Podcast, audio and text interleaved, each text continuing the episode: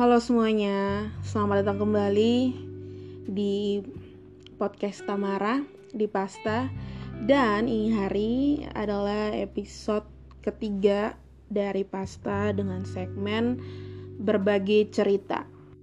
Nah segmen uh, segmen berbagi cerita ini akan tetap ya I wish tetap ada lah setiap akhir bulan akan tetap terus ada segmen berbagi cerita. Jadi teman-teman yang semua teman-teman semua lah pada bisa berbagi cerita di sini uh, sesuai dengan tema yang akan diangkat pasta. Jadi untuk tema di tanggal 29 Februari 2020 ini adalah tema soal keinginan yang terpatahkan. Jadi ada sebelum tanggal 29 ini teman-teman ada beberapa teman yang sudah berbagi ceritanya soal pengalaman keinginan-keinginan atau harapan-harapan yang terpatahkan.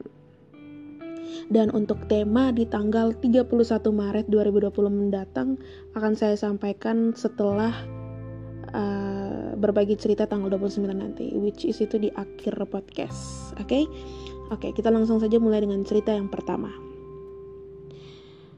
Dulu kan Beta punya cita-cita untuk jadi seorang pendeta. Berjalannya waktu, Beta lihat Beta Pung Tanta yang notabene-nya direktur bank.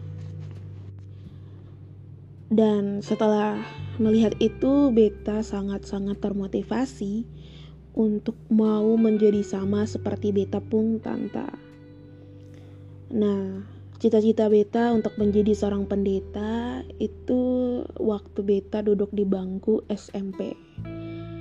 Singkat cerita, akhirnya saya lulus SMP dan saya harus melanjutkan ke jenjang selanjutnya yaitu SMA karena masih memiliki motivasi untuk bekerja di bank saya memilih untuk melanjutkan sekolah saya ke SMK jurusan akuntansi oke saya melanjutkan sekolah saya di sana selama tiga tahun dan akhirnya lulus.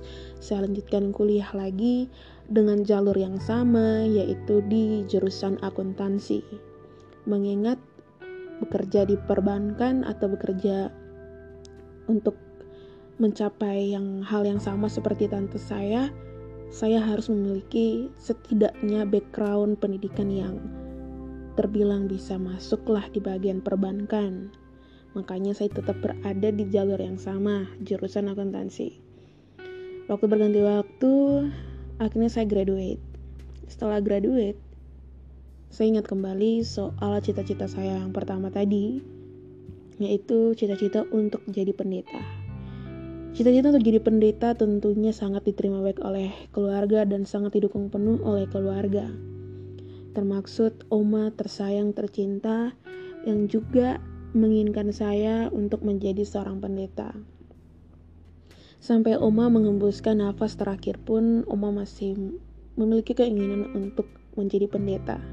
Namun apa daya, dengan background pendidikan akuntansi, saya harus tetap men mencari pekerjaan sesuai dengan background pendidikan yang sudah saya tekuni sejak saya SMA hingga sekarang. Tentunya untuk menjadi pendeta lagi sudah tidak bisa lagi. Apalagi pendeta kan juga harus ada panggilan untuk melayani. Saya percaya setiap pekerjaan selalu ada yang namanya panggilan. Mungkin panggilan inilah yang membuat saya ya sudah pendeta mungkin tidak bisa, tapi di tempat lain pasti bisa. Ini cerita saya soal cita-cita yang tidak dicapai, tidak bisa dicapai. Adek Tadu Waduh, Ade Tadu ini sebenarnya adalah kawan SMP saya. Jadi dia uh, ya saya mau ngucapin terima kasih dulu buat Ade yang sudah berbagi ceritanya Ade di sini soal cita-cita yang tidak bisa dicapai. Ya kalau mau dibilang sih kalau kita sebagai manusia apalagi kita masih mencari jati diri ya kan. Itu kan pasti ya ada hal-hal yang apa membuat pikiran kita terkecoh atau terganggu dan akhirnya kita bisa stuck di sini dan oke okay, saya harus bisa di sini ya. Sebagai contohnya kayak lu dulu mungkin punya cita-cita jadi dokter ya kan? Dari SD SMP oke okay, dokter. Tapi waktu SMA terus lu lagi baca satu bacaan atau lu ketemu apa ya seperti adik tadi ketemu tantenya terus lu bilang baca terus lu lihat waduh ini sastra kayaknya keren nih gue harus jadi profesor sastra. Ya kalau untuk jadi profesor sastra ya lu harus sekolah bahasa terus lanjut kuliah ambil sastra ya kan seperti itu. Dan ya semoga dengan apa yang dicita-citakan tahun ini ya tetap terus berdoa dan bersyukur dan juga bekerja. Ora et labora salam hangat ya adek dari Tamara ya. Semoga kita bisa ada waktu lah untuk ketemu. Jadi kita sudah sangat lama tidak ketemu coy Oke, mohon maaf saya jadi curhat soal pertemanan SMP saya, tapi masih ada cerita lagi teman-teman yang akan saya bagi di sini. Oke, cerita kedua ada dari oh, ini ada dari senior saya. Kita langsung saja dengar ceritanya seperti apa soal keinginan yang terpatahkan. Keinginan beta kerja di luar kota Kupang sudah menjadi keinginan sejak SMA setelah beta sekolah beta lanjutkan ke kuliah. Kemudian wisuda. Setelah wisuda waktunya beta untuk mencari pekerjaan. Setiap pekerjaan beta daftar.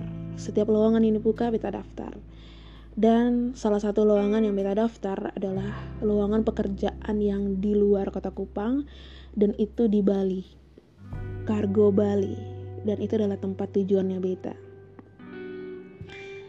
Dari iseng-iseng akhirnya daftar iseng-iseng daftar, iseng-iseng ikut tahap-tahap yang diberikan sampai akhirnya bisa diberikan kesempatan untuk ikut tes, saya tes. Singkat cerita saya akhirnya diberikan pemberitahuan informasi daftar nama-nama yang lulus dan tidak lulusnya dalam perusahaan ini di Bali. Setelah saya cek, ternyata saya lulus di Kargo Bali. Sangat senang. Tapi dari saya awal daftar hingga saya tes hingga ada pengumuman saya lulus tidak ada pihak keluarga yang mengetahui itu jadi ketika saya lulus saya langsung kasih tahu papa dan mama dan ya ternyata orang tua saya tidak menyetujui saya untuk bekerja di Kargo Bali karena dua alasan ini. Yang pertama adalah karena saya jauh dari rumah, dari keluarga. Yang kedua, adalah ya anak perempuan Sony baik di sana sendirian. Otomatis saya sudah tidak bisa pergi lagi dan pihak dari Kargo Bali pun juga sering telepon untuk harus cepat-cepat ke sana karena sudah dinyatakan lulus. Selain dari itu juga ternyata saya sudah diterima di pekerjaan lain dan saya sudah terikat dengan pekerjaan tersebut dan ini sudah yang menjadi alasan bahwa oke okay, saya tidak akan berangkat ke Bali saya akan tetap di Kupang dan bekerja di pekerjaan yang sudah sebelumnya saya diterima dan terikat. Jadi ini adalah keinginan merantau yang terpatahkan karena beberapa alasan. Cerita dari Ella Bona. Waduh, Kak Ella Bona, long time no see, Kak. Kak Ella ini Uh, terima kasih loh sudah mau terima kasih loh. Saya sok Jawa ya. Ya memang saya hidupnya untuk sok-sokan kenapa? Jadi uh, saya mau mengucapkan yang pertama sih terima kasih karena sudah mau support ya. Saya kan sebagai orang baru di podcast di segmen berbagi cerita ini terima kasih banyak yang respon banyak yang mengirim ceritanya. Terima kasih salah satunya Kak Ella. Uh, ya kalau untuk pekerjaan sih sebenarnya kadang kadang kita sadar kalau sebenarnya kita nggak bisa ke sana tapi kita memaksakan diri untuk ke sana. Ada yang berhasil di sana ada juga yang tidak berhasil di sana. Itu tergantung tangan kita ya kan? Ini dari kakak saya juga yang punya pengalaman yang sama juga dengan Kak Ella gitu. Tapi kadang apa ya uh, mungkin ya Tuhan punya maksud lain gitu. Atau mungkin ya apa yang kita dapat sekarang mungkin ini adalah bagian awal untuk pintu-pintu ter yang lain terbuka. Mungkin aja ya kan? Ya pokoknya setiap masalah yang kita hadapi asik ya yang bisa mengeluarkan kita dari masalah itu sendiri adalah kita sendiri itu bukan Tamara bukan Pasta atau bukan orang lain ya. Cuman ada di tangan kita gitu. Jadi segmen berbagi cerita ini teman-teman bisa berbagi cerita di sini teman-teman bisa share pengalaman-pengalaman teman-teman di sini.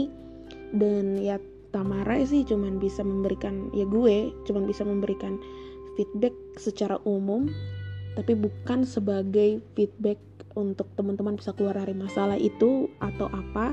Karena yang bisa mengeluarkan teman-teman dari masalah itu adalah teman-teman sendiri. Saya cuma ingatkan itu. Dan so far untuk kak untuk kak Ella dan Ade Tadu terima kasih sudah mau mengirim cerita soal keinginan-keinginan yang terpatahkan luar biasa. Terima kasih. Kemudian uh, setelah Ade Tadu dan Kak Ella Bona yang mengirim cerita, ada cerita terakhir yang akan saya cerita kumpas tuntas lepas bebas asik akan saya lepas tuntas di sini secara detail karena pemilik cerita ini dia VN ke saya itu waktu VN-nya itu 30 menitan dan itu dia cerita sangat-sangat detail soal keinginan yang terpatahkan. Benar-benar harapan keinginan yang dia alami dan itu dipatahkan. Dan secara detail jadi saya sudah ketik di sini. Saya sudah print di sini. Teman-teman bisa dengar itu hentakan bunyi HVS saya sudah cerita di sini eh, saya sudah cerita saya sudah print di sini biar saya bisa bercerita lebih sesuai detail lah sesuai dengan apa yang uh, teman ini cerita. Saya akan bocorkan bocor bocorkan bocorkan saya akan bocorkan kalau uh, orang ini yang bercerita dia jenis kelaminnya laki-laki sesuai dengan judul yang tadi ya kan oke kita langsung saja ke ceritanya Halo, selamat malam Tamara, berbagi cerita soal harapan yang dipatahkan. Oke. Sebenarnya kalau mau dibilang banyak sih kejadian yang banyak banyak seperti harapan yang dipatahkan. Entah itu dari teman-teman, orang tua, pokoknya banyak. Tapi yang jadi pembelajaran untuk beta ya soal cerita cinta. Ya banyak orang yang bilang laki-laki itu punya perasaan yang kuat yang tebal. Tapi akhirnya beta sadar kalau laki-laki itu sampai semua kayak begini. Ini juga bisa kebalik. Tapi kebanyakan orang-orang bilang laki-laki itu kuat. Sekitar dua tahun yang lalu, beta punya pacar. Dan dia adalah cewek pertama yang beta bawa kasih kenal di orang tua. Dan kita beda keyakinan Respon dari orang tuanya Beta sih fine-fine saja. Justru mereka berharap untuk kita pacaran harus baik-baik. Saya pun juga diterima di keluarganya dengan baik. Sedikit diterima lah. Awalnya hubungannya baik-baik. Sekian bulan berlalu hingga setahun. Dan masalah yang datang sonde berhenti. Tahu toh, setahun itu hanya angka, tapi perjalanannya ini nih. Masalah itu baik buat kita berdua biar kita bisa koreksi, introspeksi diri, mau kecil atau besar. Tetapi kita juga harus tanamkan bahwa sikap bertahan itu perlu. Singkat cerita, kita ada di satu semester yang sama, di mana kami harus KKN. Dan otomatis itu berpisah. Hampir dua bulan dia di desanya, saya di desanya. Saya waktu itu dapat tempat di Atambua dan dia di desa dekat Camplong. Komunikasi tentunya harus jalan dan masih jalan, tapi tidak berlangsung lama. Ya dua hari atau tiga hari lah ya karena desanya tidak mendapat jaringan. Kebetulan di Atambua saya di pinggiran kota, sehingga jaringannya masih aman. Tapi sebelum kita berangkat KKN, kita punya masalah yang belum sempat diselesaikan. Belum sempat dibahas dengan tuntas. Kita lanjut di komunikasi. Komunikasi ya seperti biasa, seperti orang pacaran telepon, SMS, tapi untuk video call itu sangat susahnya minta ampun. Tapi setelah tiga hari kita tidak kontakan, ya namanya saya laki-laki, saya harus tetap kasih kabar. Selamat pagi, selamat siang, selamat malam, lu lagi ngapain, kegiatan lu apa aja di sana. Seperti orang pacaran dan itu hampir setiap hari, setiap hari. Dan sampai satu waktu ada tuntutan dari kampus untuk kita pulang ke Kupang untuk mengurus KRS di kampus. Ya gue pulang. Nah, dia waktu itu ke balai desanya dan mendapat jaringan yang bagus karena saya coba WhatsApp dan ternyata masuk dan langsung saja saya video call. Ya dua menitan lah saya video callan sama dia. Kita bincang-bincang seperti layaknya orang pacaran. Waktu itu dia ada kegiatan bulan Agustus menjelang HUT RI bersama teman-temannya. Jadi dia bilang ya sudah kita sudahi karena saya harus jaga stand. Oke, akhirnya kita cuma dua menit video call Kemudian pacar saya ini ternyata dia mengupload story WhatsApp-nya. Dan story WhatsApp-nya adalah dia lagi video call sama teman-temannya. Di situ saya tidak begitu menyukai tindakannya. Bukan saya melarang atau saya tidak menyukai teman-temannya atau saya tidak suka dia bergaul dengan teman-temannya, bukan. Tapi sikapnya yang tidak baik kalau memang kamu ingin video call sama teman-teman ya kasih tahu sa jujur sa soalnya perlu beralasan jaga stand atau ada buat kegiatan 17-an kan jujur di sini lebih baik di sini memang beberapa hari lalu dia hilang kabar beta kontak SMS, telepon dibalas cuman beberapa kali dan semua SMS itu masih ada sampai sekarang. Saya simpan di handphone saya yang lama yang kebetulan rusak. Kalau diperbaiki, pasti SMS-nya masih ada. Nah, di sini juga saya langsung SMS dia kalau jangan hubungi saya lagi. Karena ada beberapa alasan juga. Salah satunya adalah tidak pernah merespon sebagai milenial, apalagi zaman sekarang, sana mungkin kan lu san pegang HP. Oke, okay, lu sibuk pagi, siang, malam, tapi pas mau tidur, pasti lihat itu HP. Sana mungkin lu sana lihat. Kalau lu pegang lupa HP, pasti lu lihat itu pemberitahuan yang masuk, SMS dan telepon. Dan sesibuk apa pun, lu pasti pegang lupa HP. Pasti, dan beta yakin. Nah, saya pernah telepon dia dan itu sebanyak 100 panggilan dalam sehari. Pagi, siang, sore, malam. Maaf. Dan itu tidak digubris sama sekali. Dan tidak masuk di akal kan kalau lu tidak pegang HP. Menurut saya itu. Satu kali kita akhirnya teleponan. Tapi agak aneh kayak takut-takut begitu ya dia kayak silih-silih lah dari kejadian-kejadian sebelumnya yang hilang-hilang kabar, saya mulai berpikir dan saya bicara dengan diri saya sendiri. Di tempat KKN, sebenarnya bisa za, saya bisa untuk mencari sandaran yang baru, cewek baru. Tapi karena saya ingat dia dan saya sayang dia, saya memilih untuk jaga. Singkat cerita, kami sudah pulang Kupang saya lebih dulu sampai dua hari sebelum dia sampai di Kupang.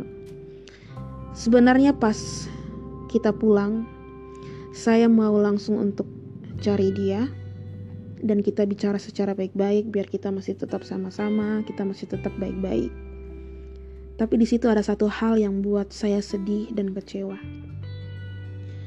Story WhatsApp si cewek saya ini, yang dulunya cewek saya ini, dia muat story WhatsApp lagi video callan sama teman cowoknya yang itu teman KKN-nya mereka lagi video call kemudian muka si cowoknya ditutup pakai emot tapi yang menarik adalah si cowok ini dia memakai pakaian dari cewek saya. Saya langsung kecewa dan sedih. Saya sangat sangat merasa percuma dengan setiap apa ya bertahan. Bisa dibilang bertahan di sini dan teman-teman saya semua bilang bahwa mereka cuman berteman satu kali kita berada di tempat yang sama di fakultas yang sama dan kita sedang melakukan kegiatan kampus sama-sama. Kemudian saya masuk ke ruangan itu dan saya melihat ada cewek saya dan cowok yang di video call itu tadi. Dan yang mereka lakukan adalah genggaman tangan dan si cowok tidur di paha cewek. Saya lihat dan saya langsung bilang, anak kiciju tahu kalau bosan dua tuh lebih dari kawan itu artinya seperti anak kecil juga mengetahui bahwa lo berdua itu lebih dari teman. Itu saya meluruskan ya. Dan saya langsung ini sonde benar, sonde betul, dan sonde bisa le. Sangat-sangat sonde bisa dilanjutkan le ini hubungan. Ibaratnya kayak lu mau renovasi rumah, tapi belum renov. Surata karena ada pahabak dari angin, angin topan. Saya meluruskan lagi, itu seperti lu mau renovasi rumah tapi belum direnov, sudah hancur karena diterpa angin topan. Kita lanjut lagi di cerita kakak ini. Dia sendiri yang sudah kasih hancur hubungan ini. Di sela-sela itu saya sangat-sangat-sangat sangat sedih tam, sangat-sangat kecewa. Kalau kita saling sayang, harusnya bertahan bersama-sama. Jangan sepihak dan bukan mencari yang lain, mencari yang baru. Saya laki-laki, tapi hati saya sangat sakit juga. Karena saya jaga saya hati di sini, tapi kau pun kelakuan tidak sama seperti yang saya lakukan. Ini bukan soal laki-laki atau perempuan, tapi ini soal manusia yang juga memiliki hati dan juga memiliki kesempatan untuk sakit hati dan juga senang. Apalagi sama orang yang kita sayang. Ya ini pembelajaran kalau apa yang kita mau tuh harus selalu kotong miliki. Puji Tuhan lewat pembelajaran ini buat saya bisa bertahan dalam kekecewaan dan bisa bahagia sekarang. Besok lusa pasti beta akan jatuh kembali. Tapi lewat ini kejadian beta belajar banyak. Intinya kotong hanya mesti berusaha dan terus berusaha. Cerita dari Suriken yang tinggal di Tova. Uh, waduh. Ceritanya sangat detail. Uh, waduh ini sangat epic ya menurut menurut saya karena kalau mau dibilang kalau kita bahas soal cinta itu nggak ada habis-habisnya karena kalau cinta kan senang jadi sedih, sedih jadi senang, senang jadi sedih, sedih jadi senang, senang jadi sedih dan itu akan berlangsung setiap detik. Kalau kita kita kalau kita mau bilang sondeju ya hari ini ya kita hidupnya saja pakai mood-mutan gitu kan. Ya kita tidak akan bisa habis lah kalau bahas soal cinta. Kecuali kalau kita punya prinsip untuk bertahan. Asik padahal saya jomblo loh. Saya curhat lagi. Um, ya jomblo juga pilihan kali. Ya jadi kenapa jadi bahas saya? Oke kita langsung bahas uh, kasuriken di sini. Uh, ya pastinya kita pasti kita yang dengar pasta hari ini podcast Tamara. Pasti teman-teman punya pengalaman yang sama dengan Kasuriken soal cinta yang ya bisa dibilang ini cinta bertepuk sebelah tangan ya.